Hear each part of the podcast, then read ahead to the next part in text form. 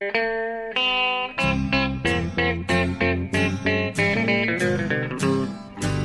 out there, we're on the air. It's hockey night tonight. Tension grows, the whistle blows, and the puck goes down the ice. The goalie jumps and the players bump, and the fans all go insane. Someone roars, Bobby scores at the good old hockey game. Oh, the good old hockey game is the best game you can name.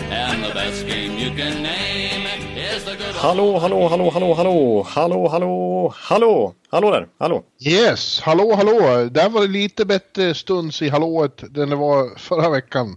Ja. Eh, och eh, hallået i fråga markerar eh, nytt avsnitt av NHL-podcasten. Det 239 Ja, stämmer. med eh, Jonathan eh, Mowgli Ekeliv i Stockholm som vanligt och jag Per Bjurman i New York, eh, USA. Jajamän. Jajamän, och eh, ja som sagt, du, på lite, du har återhämtat dig lite och mår bättre nu. Ja, faktiskt. Jag mår, eh, jag mår faktiskt klart bättre än vad jag gjorde förra veckan. För det var, då fanns det inget ljus. Nej. Det var totalmörker. Det var... Men jag måste säga, nu har jag liksom haft en vecka på mig att processa det här. Jag fick, I förra avsnittet så lät du mig gnälla en hel del. Vilket var skönt. Det var lite terapi för mig. Och eh, den här veckan har varit skönt faktiskt att se på ångestfri hockey. Vilket ju är underbart trevligt. Se på massa Game 7 och grejer. Så att jag, jag känner mig faktiskt eh, glad idag. Ja, vad härligt. Och dessutom har ju Tampa fått sällskap av eh, åtskilliga favoriter som har följt dem rakt ut i sommarlovet. Eh, Ja. för att eh, den här första rundan i Stanley Cup-slutspelet som vi precis har klarat av. Eh, det är ju faktiskt den, den mest skrällartade, överraskande, förstummande i historien. Ja, faktiskt. Och det är på så många sätt. Men inte minst eh, på papper, alltså rent statistiskt. Det har liksom aldrig hänt den här typen av skrällar. Så många i, i tät följd. Eh, som den här Nej. första rundan har inneburit. Jag menar, Ja, vi har alltså alla divisionsettor är borta, inklusive eh, överlägsna seriesegraren Tampa. Eh, och alla wildcard-lagen, 708, eh, de fyra, eh, har gått vidare. Det har aldrig hänt. Nej, det. Och här sitter vi och försöker diskutera och analysera och komma fram till slutsatser. Och oj, vad fel vi har. Men eh, vi får trösta oss med att vi inte är ensamma. Eh, ingen hade kunnat förutse det här. Eh, vi ska försöka komma in på, på varför vad det är som har hänt. Eh, jag ska påpeka bara ifall eh, eh, någon undrar varför du ibland får lov att skrika. För att du- då håller din podcastpartner på att somna. Du måste se till att jag är med för att eh, Ja, det var ju sista eh, kvällen igår då. Eh, och det var eh, Carolina slog ut Washington. Och sen var jag tvungen att sitta upp och jobba och skriva. Ja. Och, eh, för att få ihop förhandsgrejer inför round two. Och det har inte blivit mycket sömn här. Jag har väl eh, trynat två timmar på korrespondenssoffan. Sen ringde du och enligt eh, ursprungliga planer och väckte mig. Och jag är tvungen att gå upp och göra det här. Så jag är ganska sonkad i skallen. Precis, vi ville ju få till en, en preview-podd innan det brakade igång igen nu natten till fredagen. Så då Ja, det det måste bara, vi göra. Ja, så det, var, det är tufft Bjurre. Alltså, du, du, eh, det är nästan värre än för Boston för det skulle jag säga. Och Carolina som har match direkt här, men det är samma för dig. Du, du, du får sova två timmar, sen är det dags att analysera nästa runda. Ja, jag känner mig som eh, Washington i andra övertidsperioden igår. Ja, lite, lite lätt uppgiven nästan. Ja, med skillnaden, mot att, med skillnaden att du förmodligen inte kommer utsätta mig för lika otrevliga saker som Carolina utsatte dem för. Nej, det ska jag inte göra. Nej, men jag får eh, helt enkelt göra det här och sen får jag eh, sova igen. Och eh, skulle jag slumra till så är det bara att höja rösten Jonte. Ja, då får jag väcka dig. Ja, det, är, Ja. det är min uppgift att hjälpa dig nu, så som du gjorde förra veckan. Så att säga. Ja, ja. Nej, det kommer nog gå bra. Ja. Eh, ja, eh, vi ska väl då eh, analysera de serier som, som eh, vi har framför oss nu. De fyra kvartsfinalerna skulle man väl säga på svenska. Ja, precis. Så tycker jag att man kan kalla det. För några riktiga så här, eh, divisionsmatcher är det inte riktigt längre. Det här brukar kallas divisionsfinaler, men nu är det ju hipp som haps. Wildcard-lagen har ju ställt till det, så att det, det är ju lite... Riktigt så funkar det inte just nu. Ja.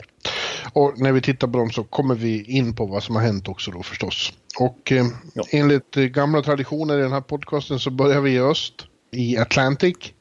Ja. Eh, det blir ju ändå så då. Det, där eh, vi har Boston Bruins mot Columbus Blue Jackets. Eh, och de spelar första matchen redan ikväll då. Av någon anledning har jag NHL så fruktansvärt bråttom så andra rundan måste börja direkt. Jag hade gärna sett en, eh, en, en spelfri dag nu, ett, ett, ett, kort uppehåll så man liksom hinner hämta andrum. Och, ja. ja, och ladda om och känna att nu är det nästa fas. Ja. Eh, å andra sidan har ju då Columbus gått och väntat något oerhört länge på, på uh, att få börja igen. Ja, det är nio dagar sedan tror jag de spelade senast. Så snabbt ja, gick det, det att svepa bort Tampa. ja, det är det sjuka då. Det blir ju så i och med att några bara spelar fyra matcher och andra sju. Ja. Eh, som i det här fallet. Och ja, det känns ju som det är otroligt länge sedan man såg Columbus. Det är nästan lika... Eh, Ja, man, får, man har samma känsla som inför sådana där exotiska lag som inte ens är med. Typ Montreal och New York Rangers. Hartford Whalers liksom, det är de som ska vara tillbaka. Ja, eh, ja, men nu är det i alla fall dags då. Boston, Columbus och eh, vad, vad, är, vad är din spontana känsla? Ja, jag måste säga att jag är så pass... Det har gått som sagt ett tag sedan eh, vi såg Columbus, men jag är så pass färgad i och med att jag har sympatierna i det laget. De, smackade ut så brutalt så att jag har väldigt stor respekt för Columbus måste jag säga. Ja, det är klart. Det måste man ju ha.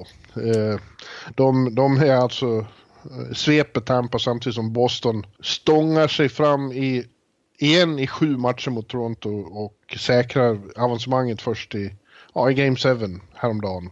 Ja. Hemma i TD Garden. Eh, och det, det var ju en serie som påminde väldigt mycket om den i, i fjol. Eh, för deras del mot Leafs. Ja, både och alltså. Det, var, det får man ändå säga. Det blir eh, sju matcher eh, för tredje gången i rad när de här möts. Om man räknar in 2013-serien där.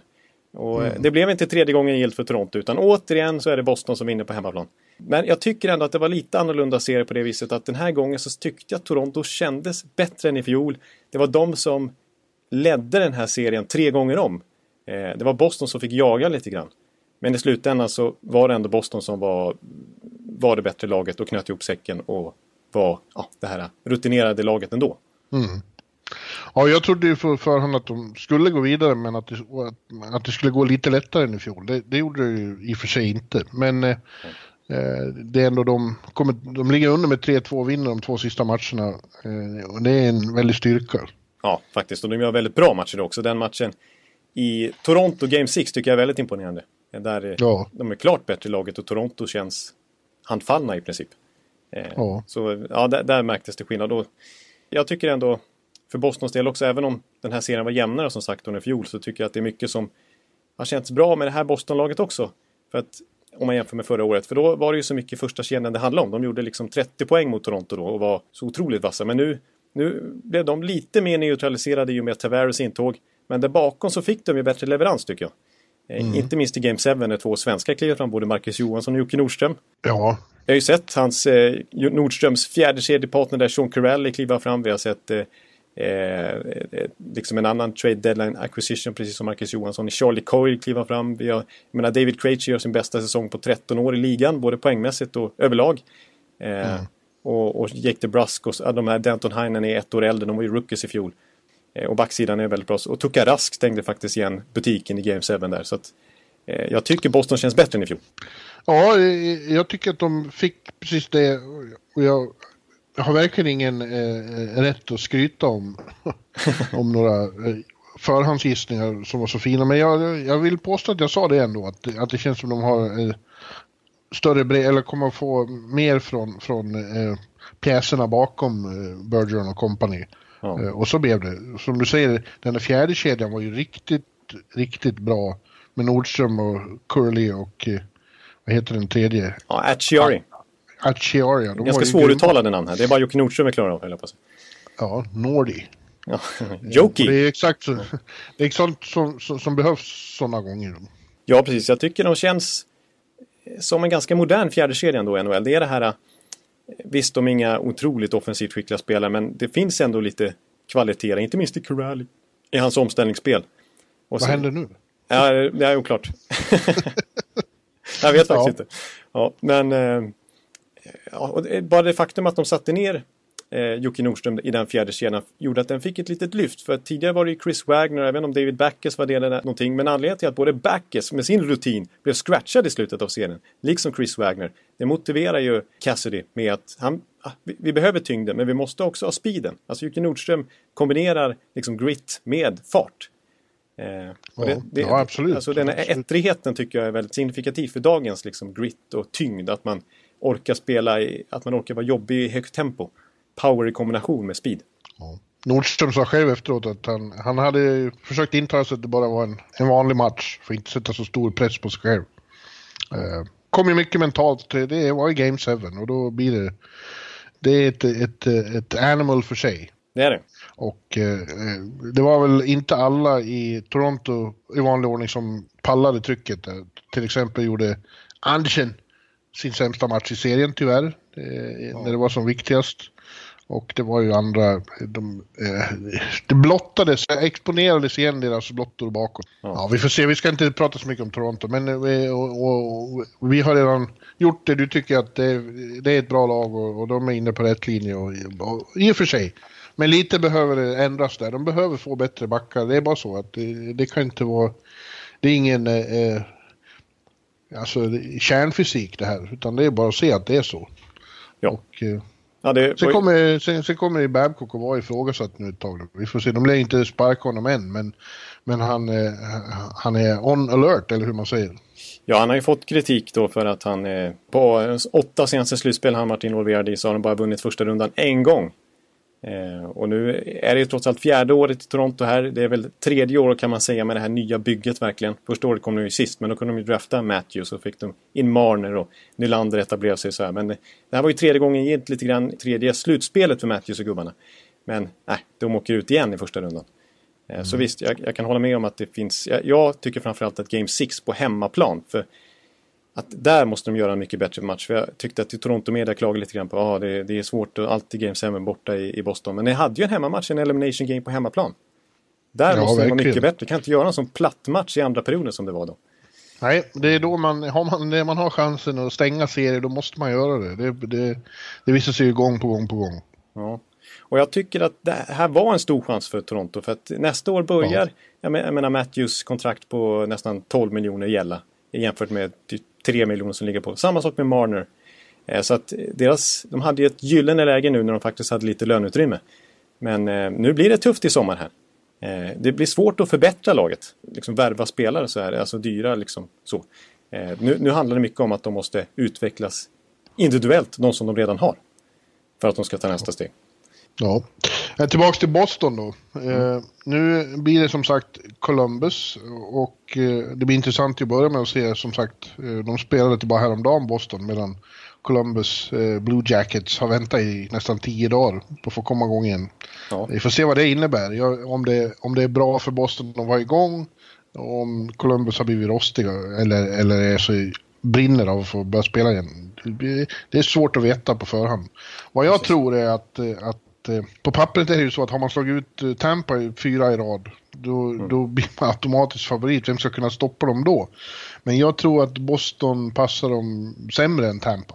Ja, det är ju ett annat eh, typ av lag. Det är ju ett ganska likt lag Columbus på det sättet att det är ganska... Visst, det är fart i Boston också, precis som i Columbus, men det är ju lite den här tyngden också och lite det här kanske strukturerade spelet.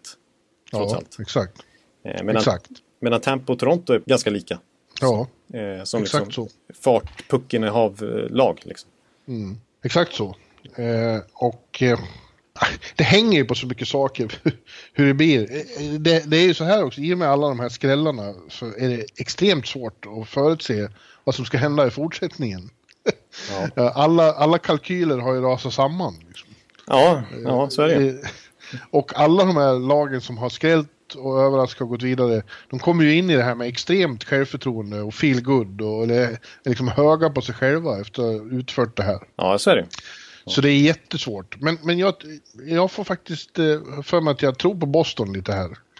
Eh, med Tampa borta då till exempel så är fältet öppet för dem, ser de ju i öst. Ja. Eh, och, och, och, och, Washington upplever, borta dessutom på andra sidan.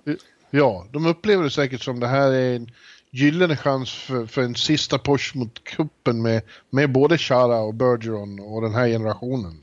Exakt, för det ska man komma ihåg att eh, de börjar ju absolut bli till åren. Det här är ett lag vars fönster håller på att stänga. Ja. I allra högsta grad. Jag menar Chara han är trots allt 42 år. Ja, precis. Och, och, ja, de är rätt lika då, men, men som jag försökte uttrycka i mina tips i natt så Eh, skillnaden är väl att det finns mer ändå spetskompetens i Boston. Ja, alltså nu har jag hyllat eh, Bostons bredd här som bättre än i fjol och vi har snackat om fjärde kedjan med Corral och så vidare. Men jag måste ändå säga att jag, är, jag tycker att Columbus bredd är underskattad också. Jag tycker verkligen att de har fyra bra kedjor. Eh, mm. Det var ju Duchene-kedjan som gjorde mest poäng eh, i Tampa-serien, vilket det pratats mycket om. Samtidigt har det pratats mycket om att Panarin var väldigt bra. Men de två bottom six-kedjorna, jag undrar inte om nästan Columbus har bäst bottom six i slutspelet. Alltså en fjärde kedja där med liksom Riley Nash, Brandon Dubinsky och Boone Jenner. Extremt etablerade spelare som skulle kunna spela i andra kedjan i många lag. Alla centra dessutom väldigt bra tvåvägsspelare och gjorde det väldigt bra mot Tampas toppspelare i första rundan. Sen den här tredje kedjan då, som centras av Nick Foligno som är liksom lite härförare i laget, kaptenen, som varit väldigt bra, måste jag säga. Och så har han två riktigt unga, hungriga spelare på varsin sida. Dels den här Alexandre Texier, fransmannen. Ja, verkligen. Som har varit en joker. Som har tagit bort eh, Wennberg tyvärr ur leken. Det får man ju tyvärr eh, konstatera i blågult perspektiv. Men förståeligt med tanke på hur bra han har varit. Mm. Och sen till höger då Oliver Björkstrand, eller Oliver Björkstrand. Eh, ja, han har ju varit väldigt bra. Precis, han, lite i skymundan gjorde han 23 mål i grundserien, framförallt väldigt många på slutet. Och sen ska man ihåg att det är en liten slutspelsräv när, när Columbus farmarlag vann AHL för, vad var det, 2016. Eh, det året de coachades av Jared Bednar som gjorde att han fick jobb i Colorado sen. Då var det faktiskt Björkstrand som var MVP i det slutspelet. Han var grym då och klev fram. Och han är en sån där spelare som passar när det är lite små ytor och sånt där. Han är inte beroende av öppna fält utan han tycker om det lite hett och tajt och tufft. Liksom. Då evolveras hans spel, verkar det som. Eh. Evolveras? Eller utvecklas kanske? Ja, så kanske man säger. Ah, eller höjs. Höjs helt enkelt. Det är väl eh, enklare uttryckt. Men han, han, är bra. Men det är ändå tredje kedjan liksom. Och så har vi redan pratat om toppkedjorna. Så att, ja, vad, som, tycker... vad som framgår här tydligt är att du har sett väldigt mycket av Columbus på slutet. ja. och, försökt, och försökt komma fram till vad som hände. Ja, det kan man säga. Ja, sen är det ju också Sergej Bobrovski i kassen. Han var ju enastående uh, mot Tampa. Fortsätter han likadant uh, mot Boston, då, då är ju det en faktor också. Men jag vill hävda att Tokarask, också framförallt i slutet av serien mot Toronto här, var bättre än på, på väldigt länge vi har sett honom. Ja, exakt. Det kan man verkligen säga. Två ganska ifrågasatta slutspelsmålvakter genom åren. Men, ja. men båda i toppform just nu. Ja, och så har de Tortorella i båset extremt inspirerad också. Han coachade byxorna av John Cooper tycker jag.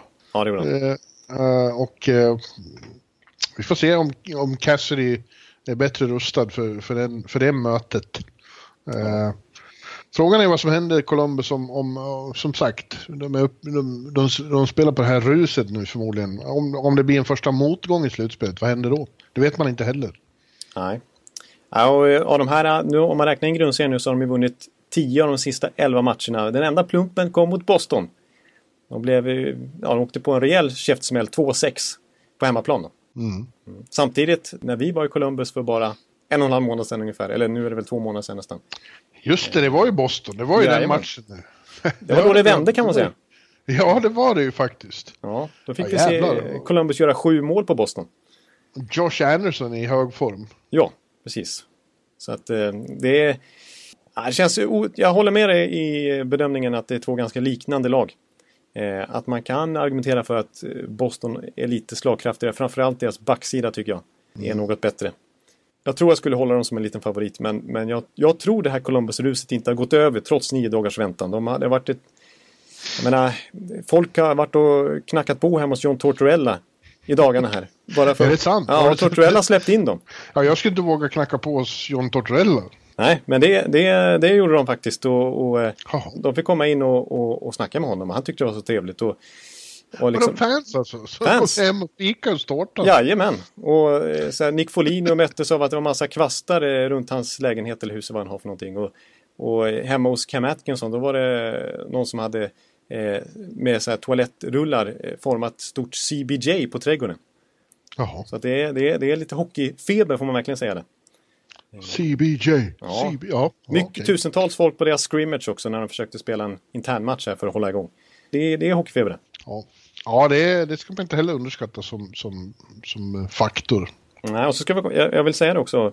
Det kan vara både och där, precis. Det, det kan bli att man att man tappar fart när man har varit ledig länge. Men jag kommer ihåg förra året när Boston spelade Game 7 mot Toronto. så var de trötta sen i Tampa-serien. De orkade inte riktigt med den. Den tog slut snabbt. Det var inte bara för att Tampa var bra utan det var för att det kändes som att Boston inte kunde ah, inte riktigt orkar spela sin hockey längre.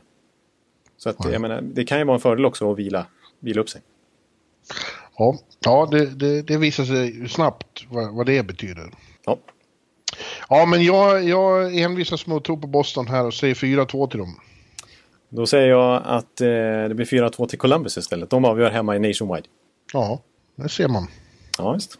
Mm. Ja, eh, nu får jag bara panik och vill veta att du har tryckt in inspelningsknappen Jonte. Är det så? Ja, det, den är på. Den är på. Det behöver inte ja, vara rädd att allt är, är förgäves. Nej. Nej, bra, bra, bra, bra. Ja, den andra östserien är ju då New York Islanders som också har legat och väntat nu i, i väldigt många dagar på Washington trodde de väl, ja, skulle ja. jag tippa. Men eh, eh, det blir Carolina Hurricanes efter att eh, första rundans eh, galna tema fulländades, fullbordades eh, igår kväll när eh, Carolina alltså slog ut Washington, regerande mästarna i, i eh, overtime-drama i Capital One Arena. Ja, exakt. Det blev sent för mig också. Jag var uppe och såg den eh, hela vägen in i förlängningen och då var det ljust hemma i Sverige. Ja. Så att jag inte sovit jättebra heller måste jag säga. När Mr Game 7, Justin Williams skickar en puck mot målet som styrs in av McGinn. Ja, precis. Men det är klart att Mr Game 7 måste vara involverad på något vis när det ska avgöras. En sån här typ av match. Ja, det, det, men det är ändå... Eh, det är verkligen chockerande att se att lag som Tampa och Washington bara försvinner. Ja, det måste ju finnas någon slags trend tycker man. Är det bara en total slump att divisionssätterna ryker, ryker så här på det här viset? Eller finns det någon, någon trend i att det kan bli så här överlag? Liksom? Jag vet inte. Ja, dels är det ju såklart ett, en, en, en bekräftelse på att NHL har fått den parity eh, ligan har, har strävat efter. Det ja. är extremt jämnt. Ja. Eh, men jag tycker också som, som jag skrev i en krönika här, jag tycker de här favoriterna har varit väldigt dåliga på att hantera favoritskapet och att de eh, i så många fall inte har haft några alternativa strategier när det har gått åt helvete. Nej, det håller jag verkligen med om. De har trott att det ska lösa sig på samma sätt som de har spelat hela säsongen. De ja, har liksom de har ingen inte... plan B. Nej, när, när, när planen, som, precis som det, som det som har tagit dem så här långt och inte fungerar längre, då har de blivit handfallna. Vad, vad var det jag skrev i helgen? Från, jag citerade ju Mike Tyson. Ja, just det. Den stor, store filosofen som sa att alla har en plan tills de får en smäll på käften. Ja, ja. och så har det verkligen känts. Ja, precis. Eh, medan de här, väldigt signifikativt för alla wildcard-lag skulle jag säga, i år, just i år i alla fall, är att de är i superform inför slutspelet. Ja. Alltså vi har pratat om Columbus som bara radade upp segrar på slutet. Carolina, ett av, ja men jag menar, eh, under 2019 så har de tagit nio poäng fler än, än Washington. Eh, plus 36 i målskillnad jämfört med Washingtons plus 2.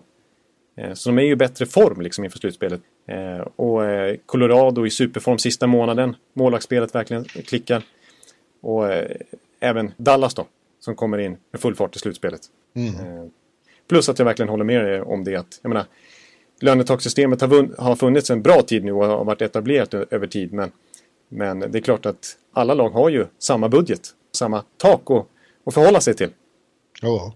Och eh, det är klart att det borde eh, innebära en jämn liga där sånt här kan hända. Ja, det är bara att det är så förvånande att det hänt i så många fall på, en gång.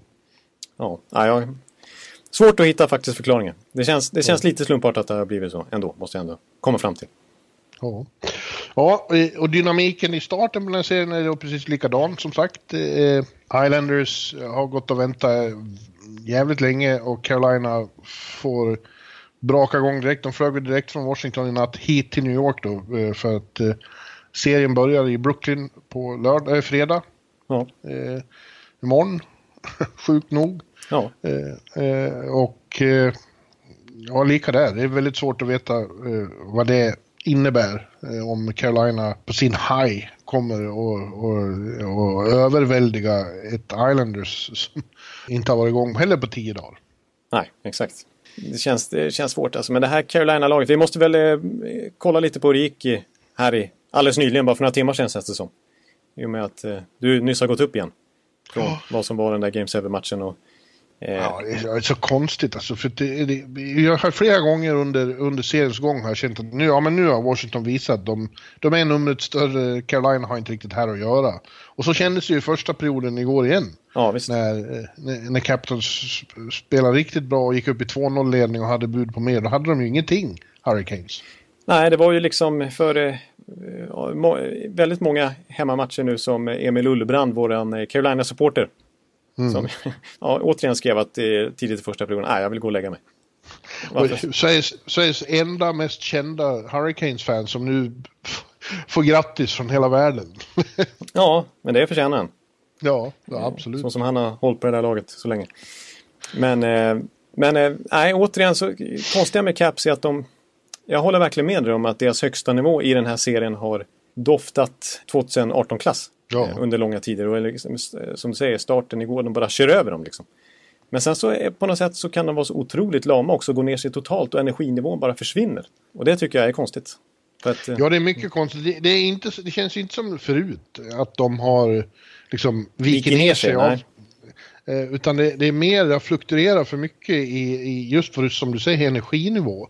Och, och flera gånger har man fått känslan av att de är förbannade över att eh, de har inte liksom haft ångest utan de är förbannade att, att, att de inte har kunnat skaka av sig de här irriterande utmanarna från södern. Ja, jag, ja, jag tror också det. Det kanske fanns, nu spekulerar jag här, men kanske någon liten form av underskattning ändå. Att de trodde att det skulle räcka med liksom att gasa på lite då och då. De tänkte inte att de skulle behöva gå all in hela tiden. För det var det Carolina gör. För de är, som du säger, kackerlackor som en annan bloggföljare, Tadson, Washington-supporter, mm. konstaterade. Att, att de, det är det som är grejen med Carolina som har varit så egentligen hela året.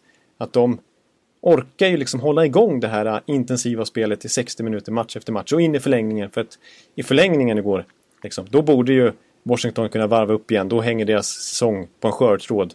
Men det kändes som det var en tidsfråga innan Carolina skulle avgöra. Ja, då såg de väldigt trötta ut, Washington faktiskt. Och kanske var det så att mängden hockey eh, senaste året kom ikapp dem där.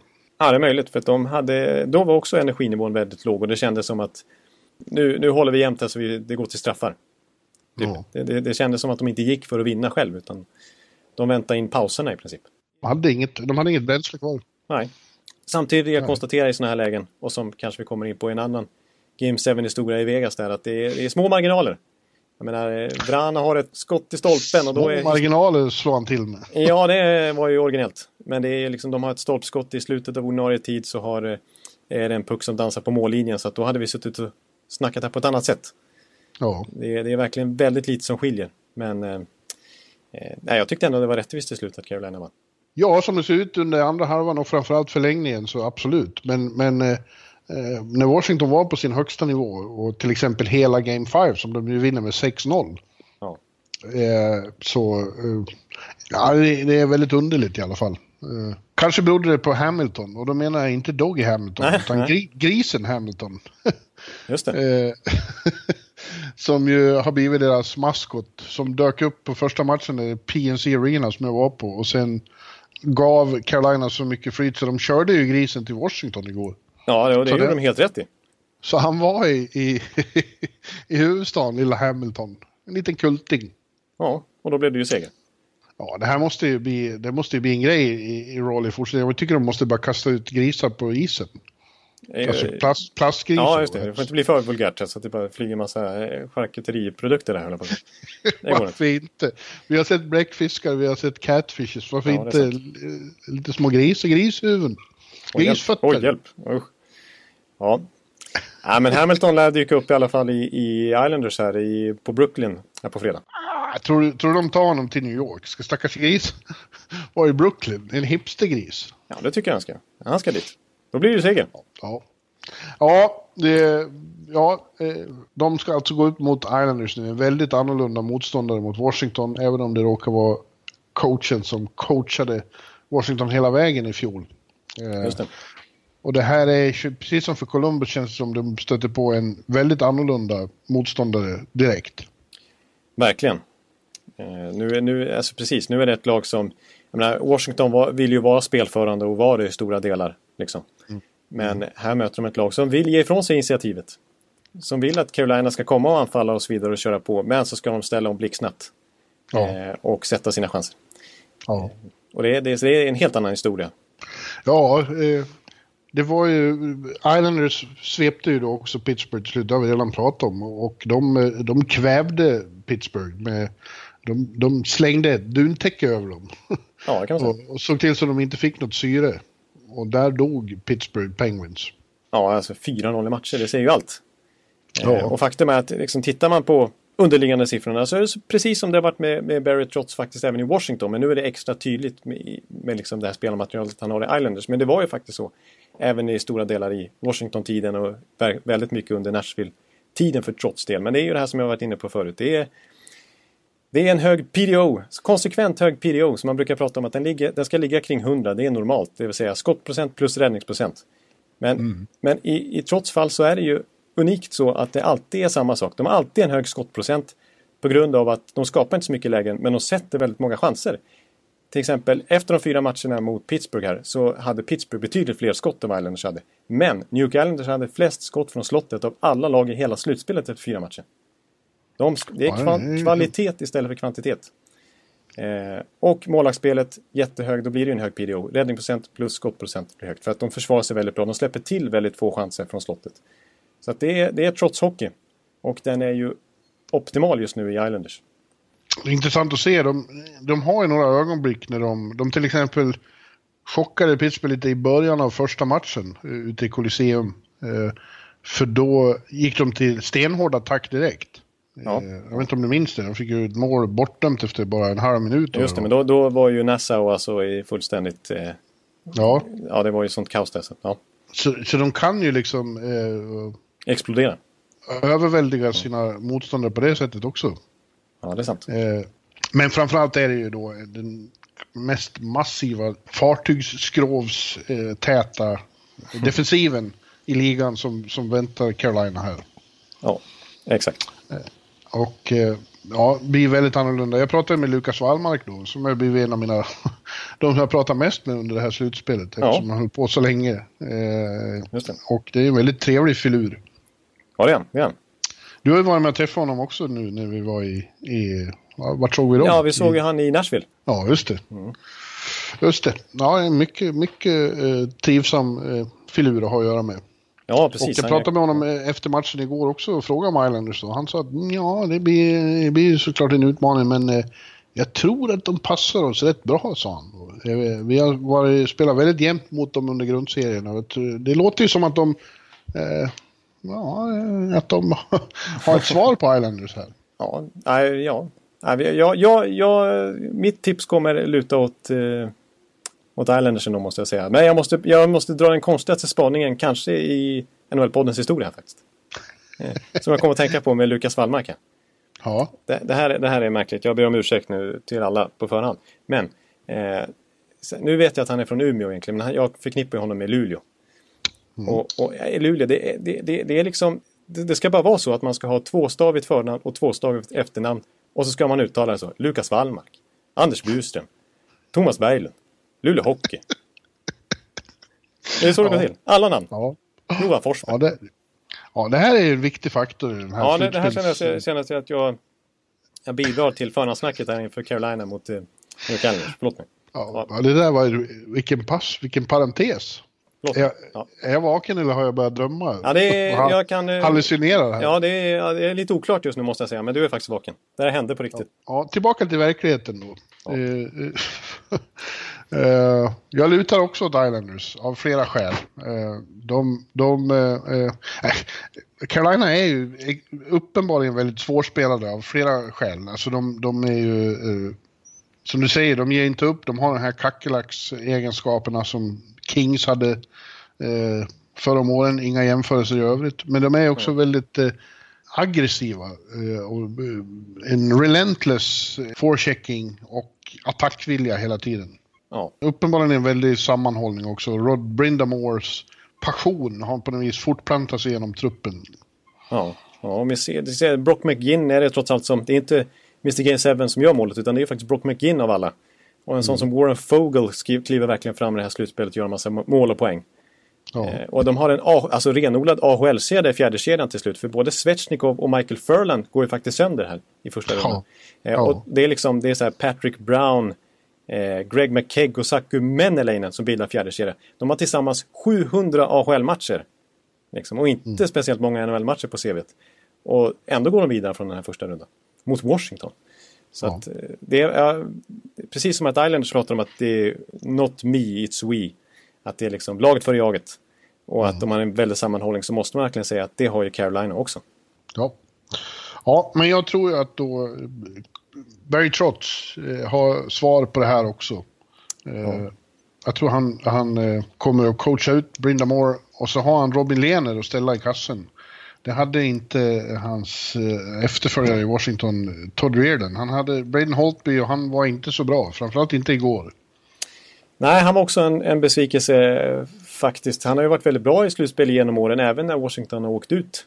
Eh, så mm. har, jag menar, han är ju den aktiva NHL-mark som har högst räddningsprocent faktiskt eh, i slutspel genom tiderna, vilket ju är imponerande. Och i fjol var han ju högst bidragande till att det blev en Stanley Cup-titel. Men jag håller med dig, han, det var för mycket billiga mål som, som släpptes in han såg så trött ut faktiskt igår i, i förlängningen. Ja. Flera gånger innan målet kom så var det väldigt mycket, eh, hade han svårt att hantera pucken. Som att han var liksom utmattad. Ja. ja, och jag tycker generellt sett i den här serien att Washington, att de fick jobba lite mer. Alltså, jag tycker Washington gjorde väldigt snygga mål tack vare sin eh, skill. Alltså, mm. Wash, eh, till exempel Ovechkin till Tom Wilson, där är ju ett drömmål i första perioden. Och, eh, alltså Wetchkin hade ju massor med läckra framspelningar till Bäckström under seriens gång här medan Carolina gjorde ganska mycket fula mål. Alltså avgörandet är ett jättefult mål. men, ja. men det är ju typiskt Carolina, det är, sånt, det är sånt de gör liksom. Och, och Holtby var inte ja. riktigt vaken alla gånger heller. Ja. Så, ja. Men för att komma tillbaka till, knyta ihop det här nu då. Lena är ju Eh, den tredje svenska eh, Vessina Trophy-kandidaten nominerade genom tiderna. För det kommer ju nu, man börjar portionera ut eh, vilka som blir eh, nominerade för awards.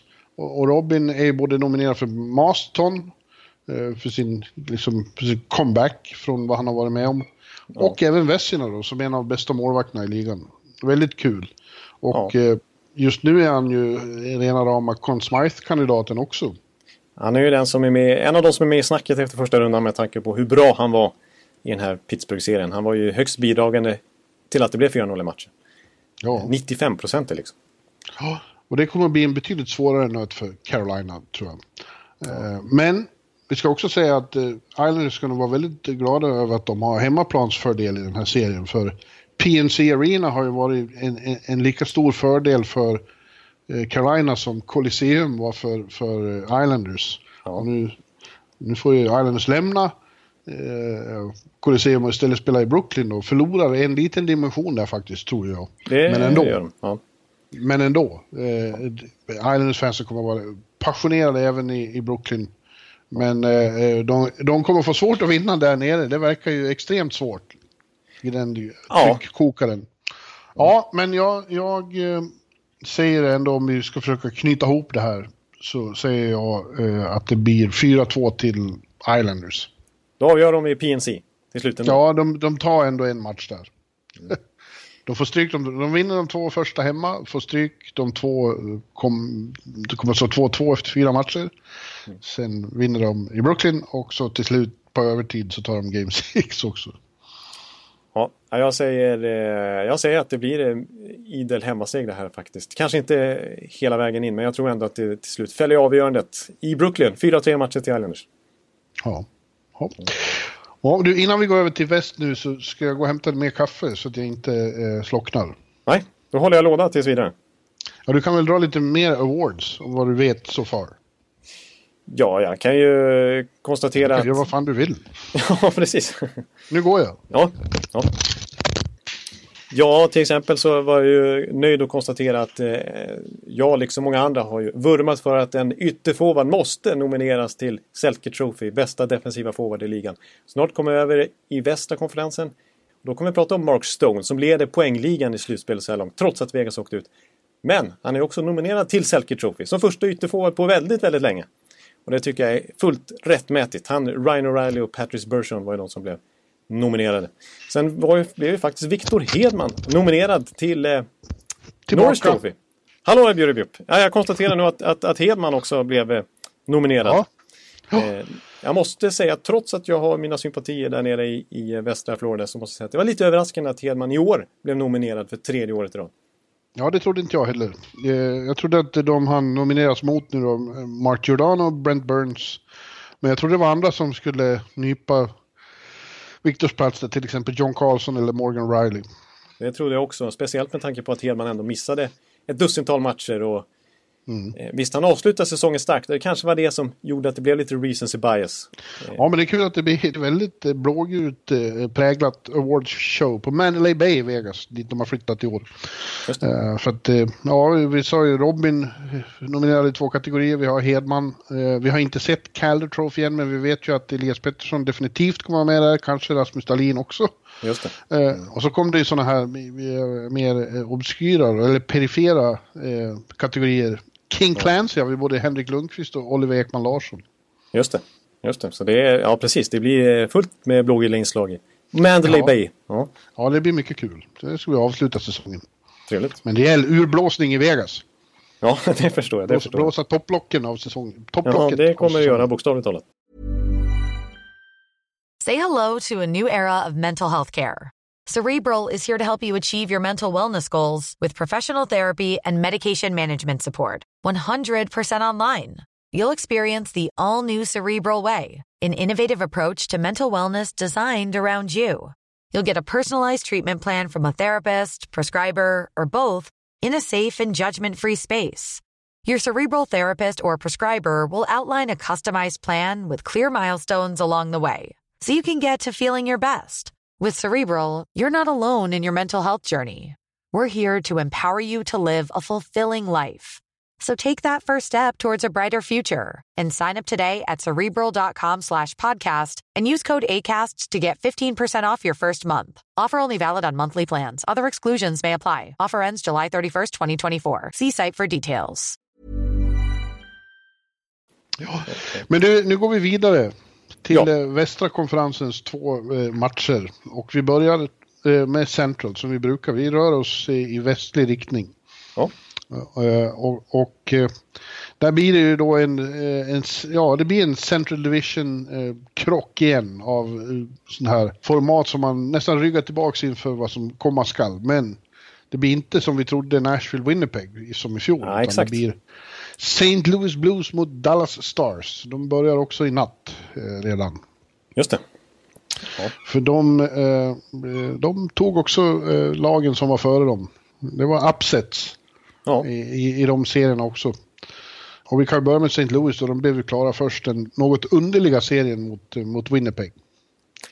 Ja, det var en konstig serie för att eh, det var idel bortasegrar där, tvärtom mot eh, den serien vi just pratade om, Carolina-Washington. Ja. Eh, faktum är ju nu att eh, Winnipeg, eh, vi kan konstatera, de kan inte vinna inför sin Winnipeg Whiteout. Förlora Nej. samtliga tre matcher på hemmaplan och liknande var det ju mot Nashville i fjol. Det är ingen hemmaplansfördel för dem trots det extrema stödet de hade. Ja. De klarar inte av det. Nej, och, och lika som mot, mot, Vegas i fjol. Ja, de vann ju den första då stod, men sen blev det inget mer sen. Ja, det är, det är konstigt och jag tycker så här att om vi bara nämner Winnipeg att, att jag tyckte de gjorde en ganska bra serie mot St. Louis och lite likt eh, faktiskt eh, eh, Washington här mot Carolina var det bättre laget när de väl skruvade på eh, gick för fullt så tyckte jag att de hade visat en högre högsta nivå än St. Louis. Men de var för ojämna och tappade matcherna för ofta på grund av det. Ja. Eh, och eh, ja. ja. Du vet ju vad jag tror? Jag tror att det finns för mycket fel attityd hos, eh, bety, hos viktiga pjäser där. Eh, att de inte är tillräckligt ödmjuka inför det de håller på med. Och, och jag tycker det kommer mest, allra mest till uttryck hos målvakten Conor Hellebuck. Återigen ägnar han en serie åt att gnälla om otur och, och att uh, Winnipeg mycket bättre egentligen och så. Ja. Uh, och, och, och, så länge man, man har den inställningen, det kan man kanske ha för sig själv, men när man när man skyltar med den utåt, eh, då blir det helt fel fokus. Precis, då blir det att man inte riktigt tar tag i de problem som finns. Eh, utan bara skyller ifrån sig hela tiden. Och det har du helt rätt i. Han, efter Game 6 när de åkte ut så var han väldigt sådär och tyckte, som, som säger, han tyckte de var bättre och det var ja, några bounces hit och dit som gjorde att de förlorade men egentligen borde de ha vunnit. Eh, och i Game 5 till exempel när de släpper in, de tappar en 2-0-ledning till ja, torsk med 3-2 i sista perioden. Eh, då säger Hellebuck och några till i laget där också att ah, det var otur och jag vet inte riktigt vad som hände men vi är ju bättre egentligen. Det, här ska inte behöva hända. Men kollar man, men kollar man då till exempel statistiskt sett på den perioden. Ah, det var en av de sämsta perioderna i slutspelet av ett, eh, av ett lag. Eh, framförallt i egen zon. Alltså antalet turnovers som Winnipeg hade i Game 5 där de släppte in tre mål är enormt. Det var inte otur. Eh, 25 procent av alla puckinnehav Jets hade i egen zon blev det turnover på. Det vill säga var fjärde gång de rörde pucken så tappade de den. Och det är högst, högsta siffran i hela slutspelet. Eh, ja, då går det åt skogen. Då förlorar man ju. Då, då är det inte otur. Då får man skärpa Nej. till sig. Och Jets är för slarviga. Det har de varit mycket under säsongen tycker jag. Eh, faktiskt i egen zon, i uppspelsfasen och så. Det kastas bort puckar. Eh, ja, men det låter inte det som att det går igen att man inte riktigt... Uh, att man inte är ödmjuk inför uppgiften. Nej, jag håller med dig där. Det, det, de behöver jobba med sin självbild. Ja, eh, Winnipeg Jets om de ska ta nästa steg. För att nu, det här, det här var inte det, Och jag tycker det är konstigt att inte Paul Maurice, coachen, eh, eh, tar tag i det. Han, han verkar vara en väldigt bra person och coach och borde kunna rätta till det. Ja. Men icke. Nej, det såg likadant ut igen nu i avgörande skeden. Ja, medan Blues är precis tvärtom. Eh, de, de har ju haft den underligaste resan av alla om man ser till hela säsongen. Verkligen. Sist, sist i hela ligan vid, vid nyår. Eh, sen näst bäst av alla eh, under resten av säsongen. Eh, och eh, framförallt har kommit ihop som lag då. Eh, spelar laghockey med verklig pondus. Ja, det är ju ett genomgående tema får vi säga för de här lagen som gått vidare. Att de ofta generellt sett sitter ihop väldigt bra som grupp och sen så just den strukturen i spelet. För det har ju Craig Berube ja. fått till det. Ja. Försvarsspelet. Ja, och eh, bidrag från alla håll och kanter. Eh, när Tarasenko-kedjan blir hållen i herrans tukt och förmaning, då kommer Oskar Sundqvist och Jaden Swartz och, och, och uh, Brady Chen istället. Ja, exakt. Och ända ner i fjärdekedjan tycker jag det är, det är en stark fjärdekedja att ha Fabry, Barberchev och Sten. Ja, verkligen. Så det, eh, de har ingen Det riktigt... där avgörandet i, i Winnipeg i Game 5, eh, det glömts bort helt. Han fick ingen assist eller så, men eh, att de vart kvar i zonen där hängde helt och hållet på Alex Sten. Som var helt eh, omöjlig i, i, i, sin forechecking där och bara nitade fast pucken. Ja, jag, jag tycker att jag tycker faktiskt att St. Louis inte riktigt, de har kanske inte den där spetsen och inte riktigt samma superspets som laget de möter nu heller, Dallas har. Och det är Winnipeg som de mötte. Men de har ändå inte riktigt någon svag länk i sin lineup. Jag tycker som sagt, liksom 12 bra forwards. Jag tycker det är nog är sex bra backar också. Och så Jordan Binnington mm. i målet som är bra. Så ja. Att, ja de, de och de orkar verkligen trycka på gasen de också tycker jag och ha en, ha en jämnare nivå. Både från match till match och i matcherna i perioderna. Ja, så får man väl säga ändå att en spets levererade enormt mycket när det behövdes som bäst. Jaden Swart som sagt, han avgjorde uh, i, i Winnipeg i Game 5 och sen gör han hattrick hemma i Game 6 när de går vidare. Ja, det får man gärna. Det... Han klev fram. Ja, men även eh, Berube har ju gjort det otroligt bra också. Eh, små korrigeringar som som betyder mycket, som när han plötsligt ändrar i den där andra kedjan. Tar ut eh, Oskar Sundqvist som har varit center hela tiden på en kant. Ja. Och stoppar in Braden Chen som center där istället. Och det funkar jättebra. Ja. Ja, det är kul att se faktiskt att några av de här utdömda coacherna som, som vi tyckte var lite dinos, stod för dinosauriehockey för några år sedan, alltså Tortorella inte minst då. Men även Berube lämnar inte med något gott renommé från Philadelphia liksom. Som, Nej. som står sig så här bra 2019 och coachar sina lag vidare i slutspelet mot på pappret bättre lag. Ja. Ja, och så får de kväll efter kväll får de storartat spel av sin uh, uh, i sammanhanget då relativt ålderstigna rookie, Jordan Binnington. Ja, jag tycker han har varit minst lika bra i slutspel trots att han faktiskt bara ligger på typ 90 någonting procent. Han är inte inga slående siffror han har men jag tycker han har varit väldigt bra, framförallt i början av serien och även här när de knöt ihop det på slutet. Ja. Eh, han hade någon dålig match på hemmaplan när de torskade två där, men överlag väldigt bra igen. Ja, och, och den här serien då, den, den, den, är en av de som jag tycker känns eh, omöjlig att tippa. Eh, jag är öppen för att precis vad som helst kan hända här. Men, men jag är eh, väldigt, eh, jag är ännu mer imponerad av Dallas Stars faktiskt. Ja. De är, de är ett av de lag som ja, alla har gjort intryck. Men ja. eh, jag har varit väldigt imponerad av, av, av, Dallas, hur de gjorde med Nashville. De var bättre i, ja, de vann ju med 4-2 då, men jag skulle säga att de var bättre i varenda match. Delvis beror det förstås på då att Nashville, var, det är något som är off med Nashville just nu. Eh, de, de hade väldigt svårt att komma upp i normal standard. Viktor Arvidsson som brukar vara en katalysator för laget. När han funkar mm. så han, han har ju till och med kallats MVP av lokal beatwritern Adam Wingen som jag varit inne på förut. Att han liksom får igång det laget. Man gjorde ju noll poäng på sex matcher. Ja, eh, deras första kedja eh, vart ju faktiskt eh, helt neutraliserad av, av Stars numera helt enastående defensiv eh, och deras försvarsspel. Och grejen var att de hade inget annat bakom. Eh, på pappret ser det ut som Nashville har en väldig bredd, men, men de fick mycket lite bidrag från resten av laget när, eh, eh när första kedjan eh, blev släckt. Liksom.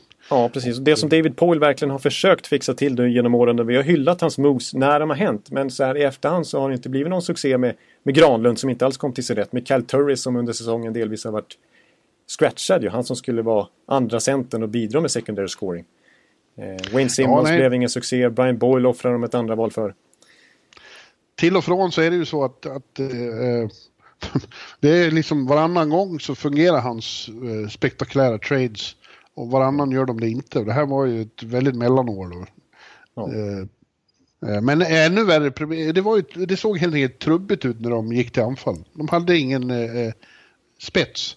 Men ett ännu större problem tycker jag var att eh, backbesättning som ska föreställa bäst i ligan var eh, under, undermålig emellanåt. Eh, ja. Jag var ju där i lördags i Nashville. Ja. För att jag tänkte, jag, jag, förstod väl att eh, det blir bara en match till i Bridgestone den här, det här slutspelet. Ja, du måste passa på att åka dit så. Få uppleva ja. lite Nashville igen. Men då såg de ju, jag har aldrig sett på maken eh, hur, eh, framförallt hur mycket felpassningar de slog i egen zon. De bara spred puckarna omkring sig. Eh, Subban och, och, och, Ryan Ellis och Mattias med tyvärr. Ja. Eh, och, och, en väldigt talande sekvens var när, när, när Radulov var det väl, eller om det var Jamie Benn som bara flyttade på Ryan Ellis. Ja. Det, såg helt, det såg helt sjukt ut den sekvensen. Som att han inte var beredd på att det är match. Vadå, kommer han att knuffa på mig? Ja, det, nej, det, Nej, något, det är som du säger, det, det var någonting, det, de har varit off Nashville och de har mot förmodan, sett till hur de har spelat, vunnit sin division i år i grundserien. Gjorde de ju. Eh, men då, mm. vi var inte imponerade då heller. Och, eh, Nej. apropå trubbig offensiv, powerplay. De gör noll powerplay-mål i den här serien. De slutar sist i grundserien i powerplay-statistiken på 12 procent. Så att, ja, det är trubbigt. Ja, det är mycket, mycket, mycket underligt. Jag tror att det kan bli förändringar där i coachstaben. Eh, ja. Det kan till och med vara så att Laviolette ligger i sig till. Det kan vara dags för en... Hans runs brukar inte vara så långa. Nej. Det brukar gå väldigt bra i början och sen så går man i, sen når man någon slags eh, vägg. Ja, den verkar de nästan ha slagit till nu för det hände ingenting med dem. De, de fick ju inte eh, ordning på sitt spel alls i den här serien. Nej. Eh, och det var liksom bara en fortsättning på strulet under säsongen faktiskt. Men jag måste säga en sak om, om, om Dallas också. Vi pratade om att St. Louis eh, låg sist 3 januari. Alltså om mm. vi backar bandet till då så backar vi bandet kanske 3-4 dagar till till 29 december eller vad det kan ha varit. Ja, då sades det här om Dallas. You're fucking horseshit! Ja. Ja, det, det var, ja. Bara, det var i samma veva som, som eh, Dallas blev utskälld av sin egen ägare. Och, ja. eh, inte minst då Jamie Benn och Tyler Seguin. Och eh, liksom, de har investerat så mycket i det här och vi ser den här skiten. Liksom, det här går inte. Det, det här kommer inte leda någonstans. Och nu helt plötsligt så, så är de i andra rundan. Ja, det där vart ju väldigt ifrågasatt och, och, och det var mycket upprört. Men, men, men faktum är ju att det på något vis var då det vände. Ja, faktiskt. Nu ser de ut som man vill att alla ska göra, som borde kunna göra.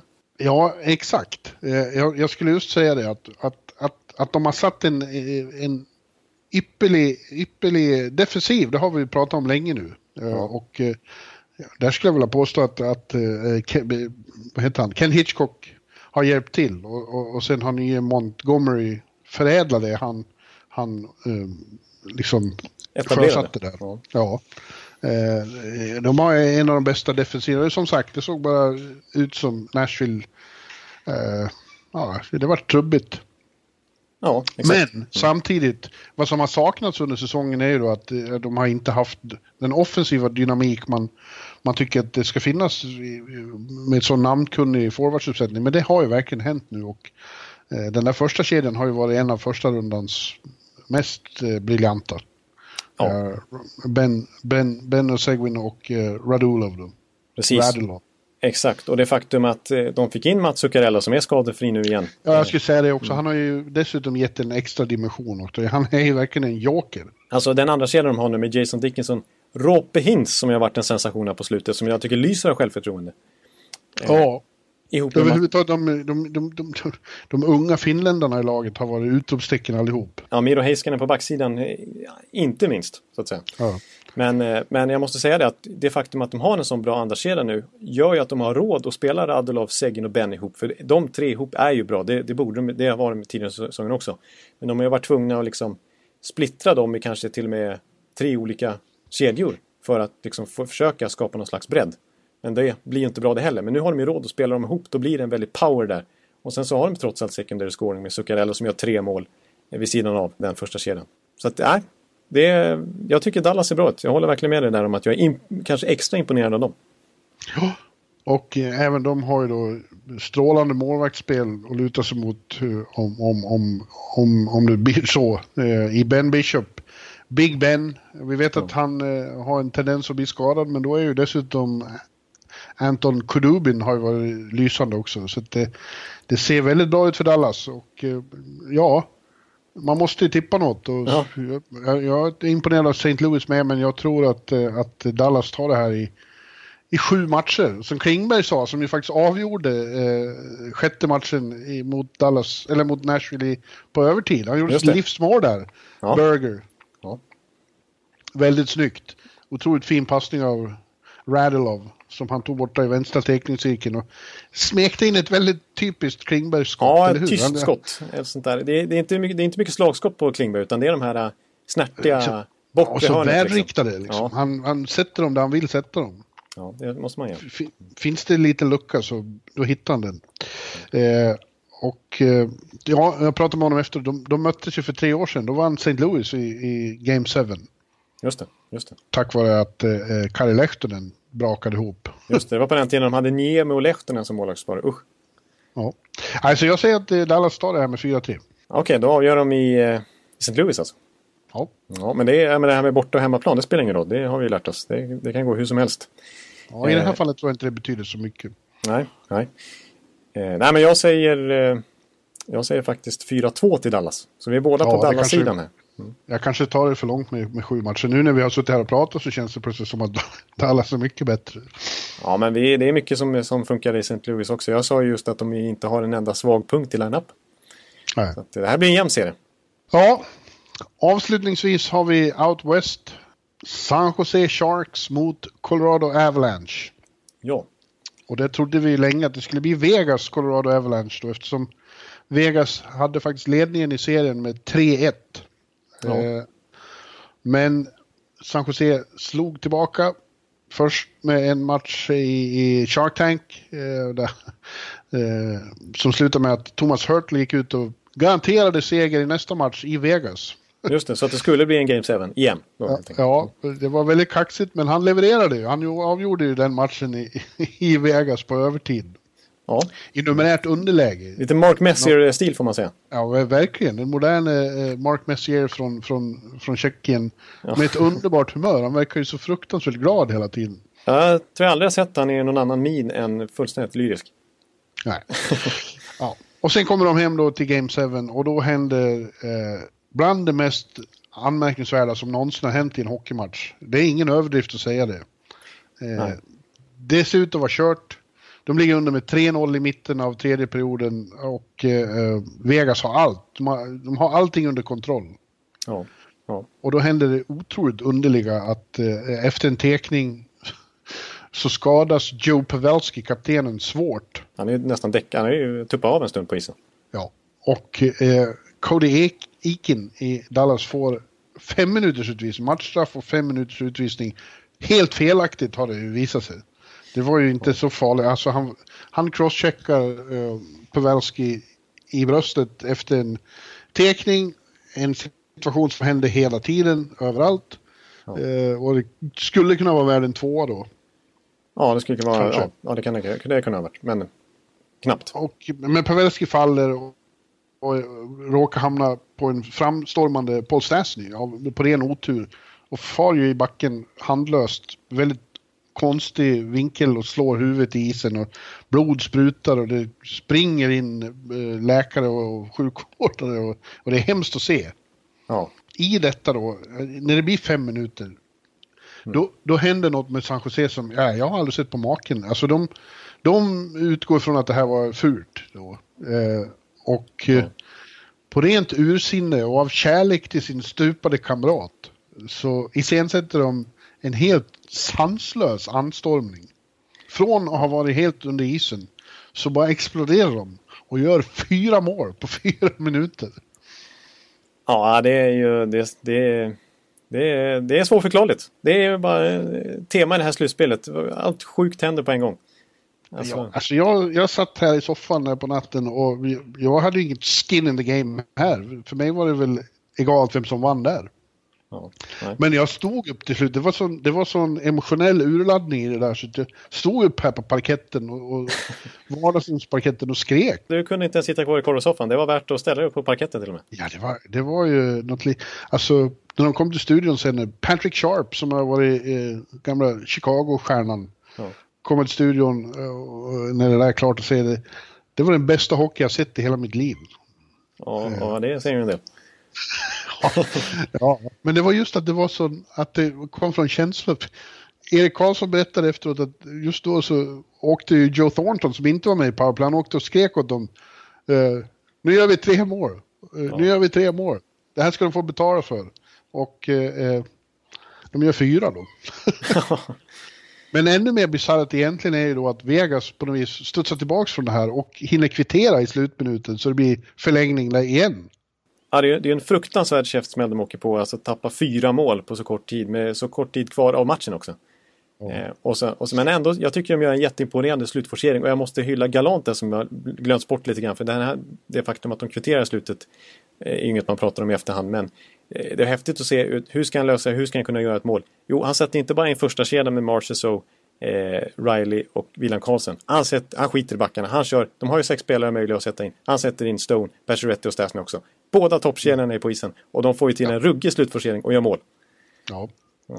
ja, det var ju skickligt, men han var mindre skicklig under den här anstormningen skulle jag vilja påstå. Ja. För att de var ju då väldigt upprörda, och det får man förstå, över den här femminutersutvisningen. Helt felaktig. Det har de ju rätt i. De, men, men när de säger att vi förlorar på det, det avgör hela serien. Nåja, det är inte domarnas fel att de släpper in fyra mål på fyra minuter. Och det är inte domarnas fel att inte eh, Galant tar en timeout när han ju måste se åt vad fan det barkar någonstans.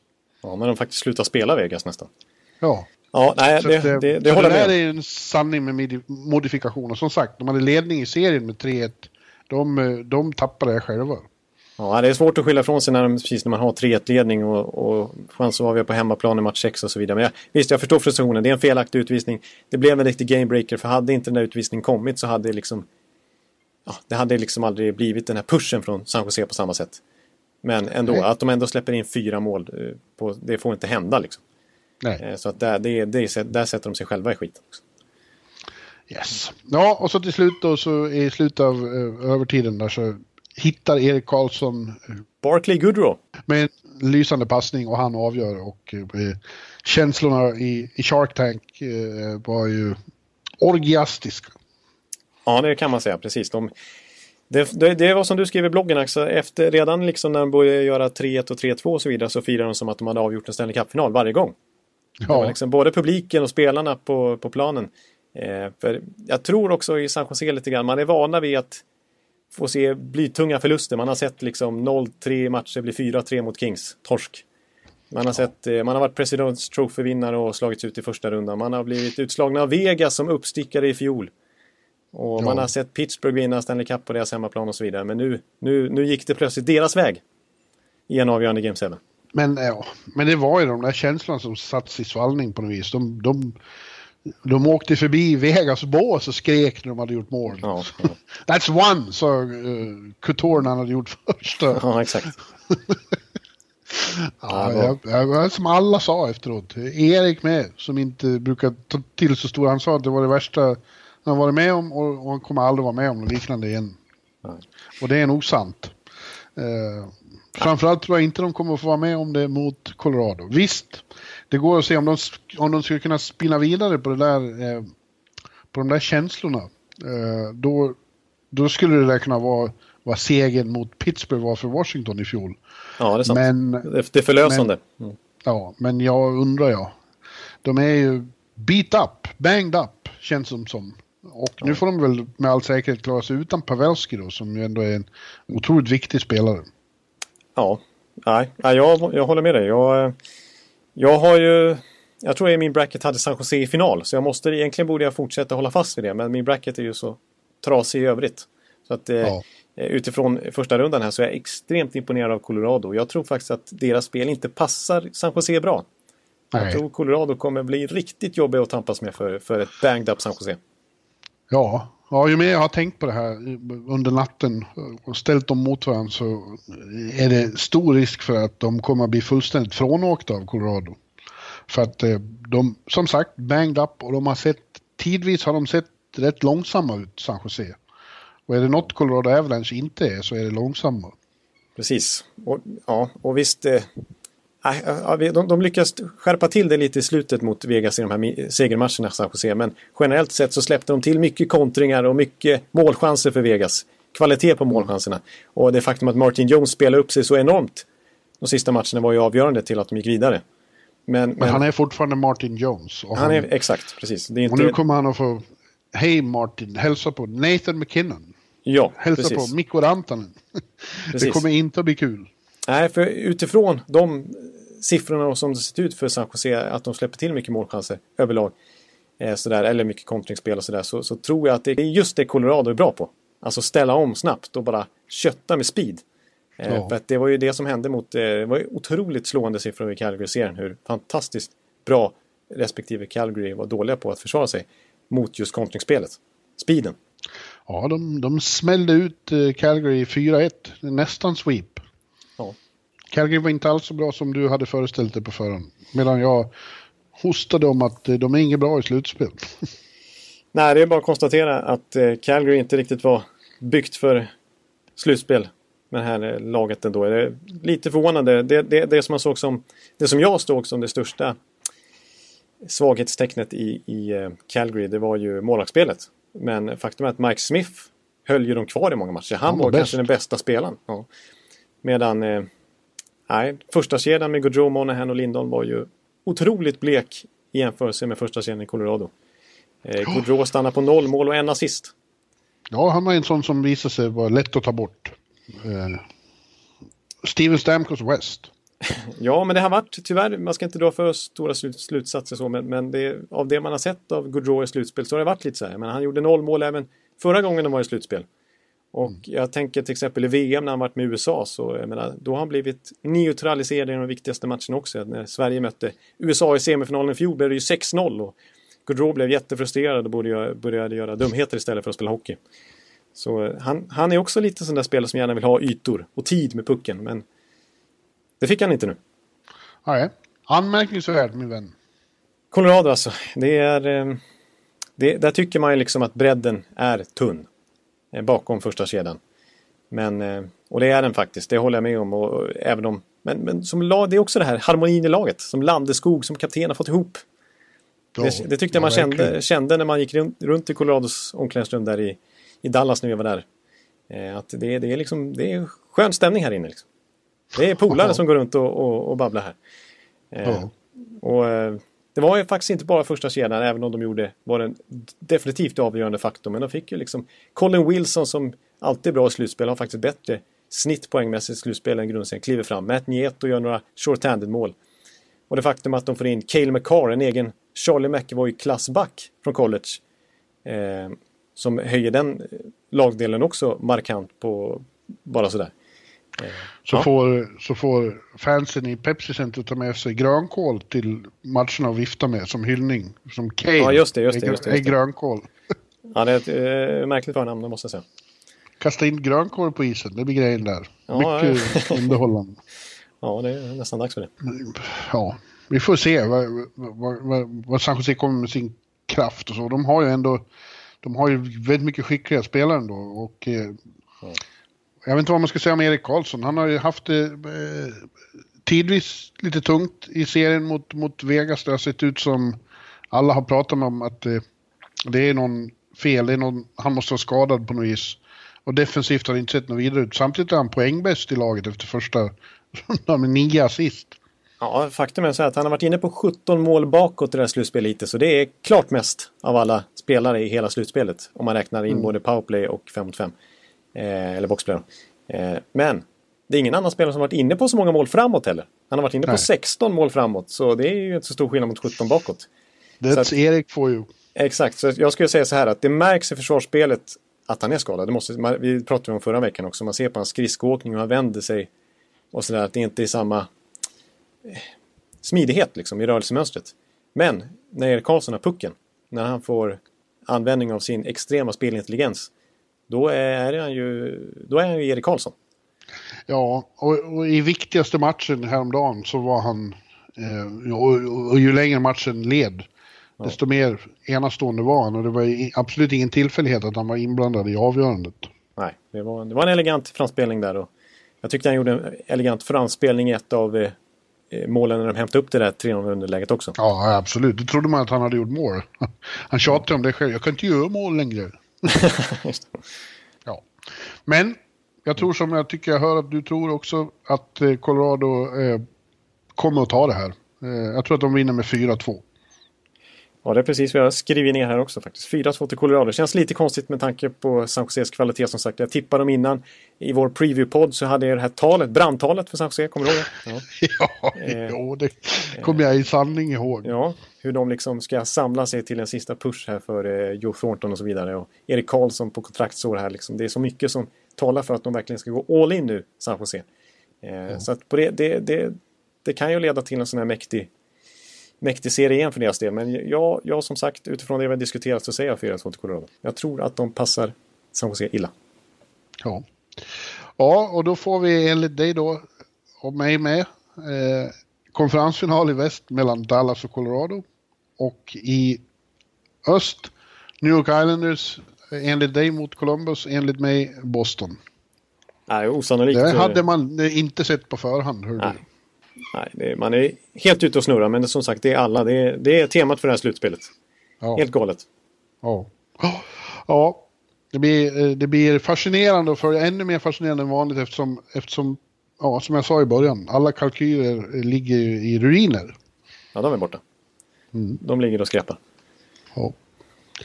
ja, och som sagt, det, det, det smäller redan i natt. Vi, vi får delsvar på vad vi om, om, om vi bara pratar strunt eller om det ligger något i vad vi har sagt. Ja, det, jag är redan taggad nu igen på andra rundan. Alltså. Det var, man behöver ja. egentligen smälta den här första rundan, men nu har jag fått prata ur oss lite grann. Så nu känner jag mig taggad på, på vad som ska hända härnäst. Ja. Jag har ingen aning. Nej, det har vi inte.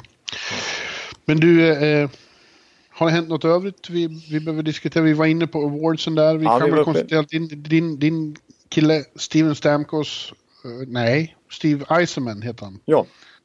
Han, eh, han kommer hem till eh, eh, Detroit och blir ny general manager där. Medan eh, Ken Holland renodlar sin roll som president. Ja, precis. Det är väl värt att, att nämna, det måste vi säga, det hade varit en jättebomb om Steven Stamkos hade tagit den, den rollen. ja, det hade det verkligen Ja, men ja. Eh, Steve Eisen, eller, ja, Eisenman är ju desto mer väntat. Man har ju bara de har ju hållit tyst om det här och lyckats eh, hålla det ganska hemlighetsfullt trots att det har känts så givet. Men till slut så släpptes ju nyheten och eh, han kommer hem helt enkelt. Och det känns ju, trots att jag har haft honom i tempo och han har gjort så mycket gott för oss och jag jättegärna hade velat ha kvar honom. Så förstår jag honom mycket väl och det här känns som att det kommer bli bra.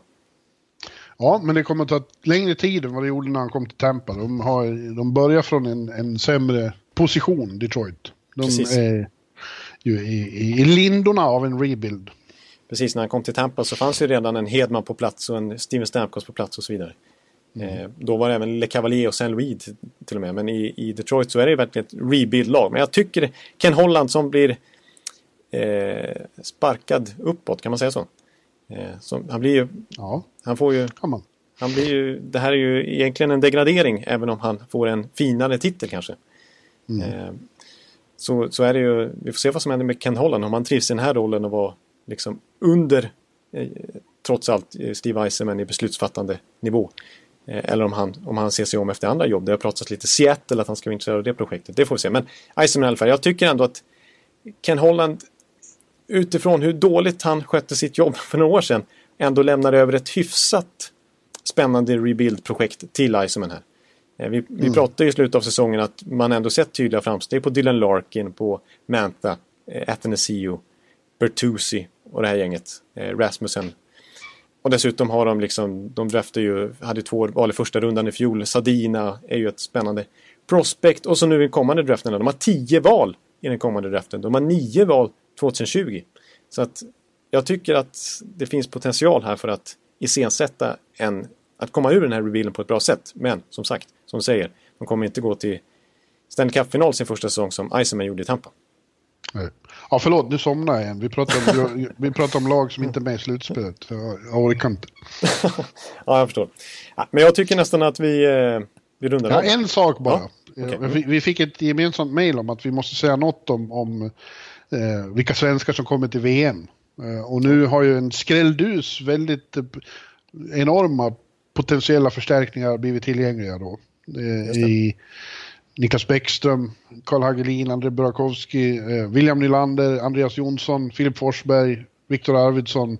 Eh, jag har ingen aning om, ja, jag har ingen aning om vilka av dem som är intresserade. Eh, och eh, det får vi inte veta nu för tiden. Det är alltid så jävla locket på nu, nu för tiden. Förr kunde man ringa och få besked, det får man inte längre.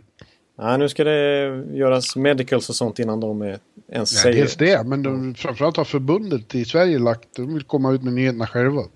Ja. ja. Så vi, vi har ingen aning, men, men det, det, kan bli ett väldigt fint starkt lag igen. Men framförallt, framförallt är det väl så att Ryssland får ett ruskigt lag nu. Med ja, det... Vasilevski och Kucherov och Malkin. Och nu lär ju Ovechkin dyka upp också. Precis, Ovechkin, Kuznetsov, Orlov. Ja. Ja. Eh, jag menar, Jokern som jag såg det i Vegas som aldrig fick chansen, Nikita Gusev, han blev plötsligt tillgänglig för VM också. Han har ju varit en väldigt poängstark spelare i flera VM i rad. Så han kommer ju tillföra mycket där också. Nej, Ryssland ja, de, känns...